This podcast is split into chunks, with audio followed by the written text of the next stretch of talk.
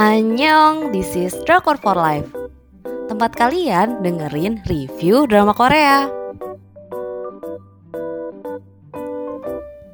Review drama Korea Secret Royal Inspector Enjoy. Ok kepincut Jan dari drama ini.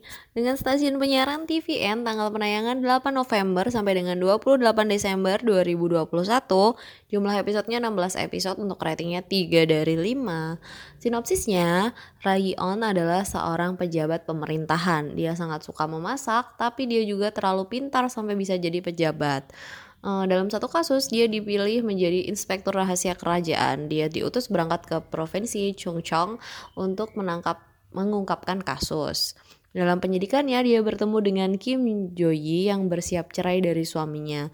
Dia dipaksa menikah dengan pria yang ternyata kecanduan judi dan anak mami. Jo-yi yang selama ini kesulitan mengajukan cerai akhirnya dibantu oleh Yi-on dan berhasil cerai. Kepintarannya Jo-yi juga banyak membantu Yi-on dan akhirnya mereka bersatu dan memecahkan kasus. Alur ceritanya mengalir gitu aja sih, nggak terlalu banyak plot twist tapi yang nggak bosen juga. Hmm, gimana ya jadi emang kita bakal dikasih tahu dari awal biang keroknya tuh siapa. Drama ini emang seguk tapi konfliknya nggak terlalu berat karena inspektur rahasia jelas sih ada kasus. Cuman jadi slow karena lawaknya pemainnya ya Konfliknya emang tentang korupsi penggelapan pajak yang berujung pada kasus lain, bahkan kematian putra mahkota.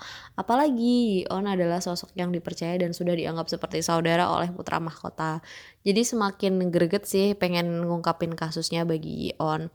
Terus aku bakal bahas penokohannya. Yang pertama ada Kim Joy adalah seorang janda. Dia baru aja bercerai dari suaminya yang suka judi. Pemikirannya berani dan cerdas. Dia ingin hidup mandiri dan mendapatkan kebahagiaannya. Setelah bercerai, dia menjahit baju untuk orang-orang dan membantu Yeon untuk menangkap penjahat. Selanjutnya ada On, dia adalah inspektur rahasia yang dipilih karena terpaksa. Rekannya mangkir dengan berbagai alasan karena takut mati. Soalnya nih, semua inspektur rahasia yang ditugaskan selalu berakhir dengan meninggal. On hidup dengan neneknya dan dua orang pengabdinya. Nah, si On suka banget masak dan masakannya selalu enak. Terus selanjutnya ada Yukchil dan Gopal. Dia adalah pengabdinya Yeon. Mereka berdua ini nambah-nambahin lawaknya. Yeon ini menyayangi mereka dan memperlakukan mereka dengan baik. Nggak seperti tuan yang gila hormat. Mereka bertiga malah kelihatan kayak geng gitu sebenarnya dengan dua damber. Dambernya ya Yukchil dan Gopal ini. Terus selanjutnya ada dua temen Joyi. Hmm, Sebelumnya Joy punya teman dekat yang namanya Bori, tapi Bori dibunuh terus kematiannya disamarkan sebagai bunuh diri. Kemudian Joy bertemu dengan orang yang sangat mirip dengan Bori namanya Biryong. Jadi Joy itu udah sayang duluan ke Biryong karena mirip si Bori. Terus dia juga ja, uh, sahabatan sama Guangsun. Hmm, sebenarnya aku nonton drama ini karena Kangen Taekyon ngambil peran cinta-cintaan. Untungnya drama ini nggak zong, asli bikin happy sih ceritanya. Jadi emang love line antara Yeon dan Joy itu timbul tenggelam di antara scenes uber-uberan sama penjahat. Tapi kalau pas u momen ya gemes juga. Ya itulah. Tapi kalau Yeon lagi repot ngejar penjahat jadi lupa nggak nyamperin Joy, aku juga jadi kangen. Terus kalau Joey banyak jahitan terus ketemu Yionnya juga cuma buat laporan informasi yang dia dapetin buat ngebantu penyidikan.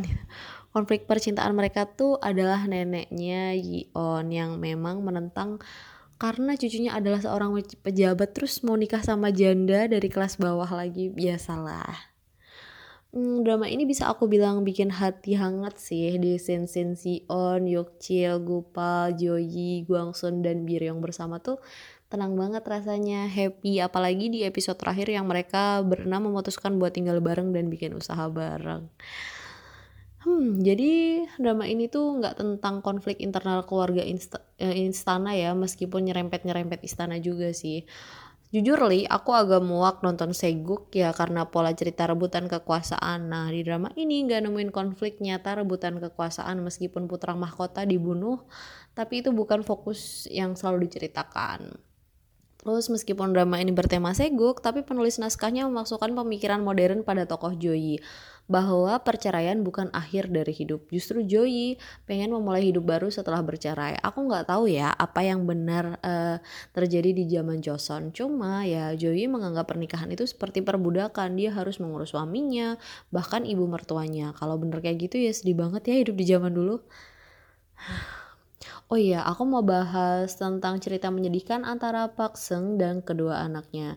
Jadi Pak Seng adalah penasehat negara, tapi dia nih uh, yang jadi biang kerok. Dia punya dua anak, Pak Tosu dan anak uh, dia tuh jadi gini, maaf maaf aku ulang ya. Jadi dia punya dua anak. Anak yang pertama yang namanya Pak Duso uh, adalah anak dari istrinya yang sah, sedangkan Pak Taesu adalah anak dari hubungan dengan orang rendahan. Selama ini Teisu selalu disia-siakan dan Dosu dimanjakan dalam kemewahan. Di akhir cerita, Pak Seng diaksingkan, terus dibiarkan hidup dan dianggap, tapi tidak dianggap hidup itu. Jadi, hmm, biar sampai akhir hidupnya tuh ngerasain penderitaan. Paling sedihnya lagi adalah dia disamperin sama wanita rendahan yang dulu ngelahirin anaknya. Waktu itu wanita itu bilang kalau sebenarnya bayinya setelah ditukar. Faktanya Teisu adalah anak yang sah sedangkan Dosu adalah anak haram hasil hubungan dengan wanita tersebut. Penderitaan itu benar-benar penyesalan sampai mati sih. Double kill banget nyeseknya. Drama ini berakhir dengan happy ending. Suka banget sama endingnya. Soalnya nggak diburu-buru. Terus kayak satu episode terakhir isinya kebahagiaan aja. Bener-bener lega endingnya. Semuanya bahagia. Couple-nya juga pada bersatu. Terus orang-orang jahatnya juga dapat balasan yang setimpal. Overall drama ini cukup menghibur lawaknya terus love story-nya ngimbangin konfliknya banget gitu jadi itu tadi review drama Korea Secret Royal Inspector Enjoy terima kasih sudah mendengarkan Buat kalian yang pengen dapat daily update, kalian bisa cek di Instagram kami @drakorfolive_. Jangan lupa live-nya pakai Y. Terima kasih.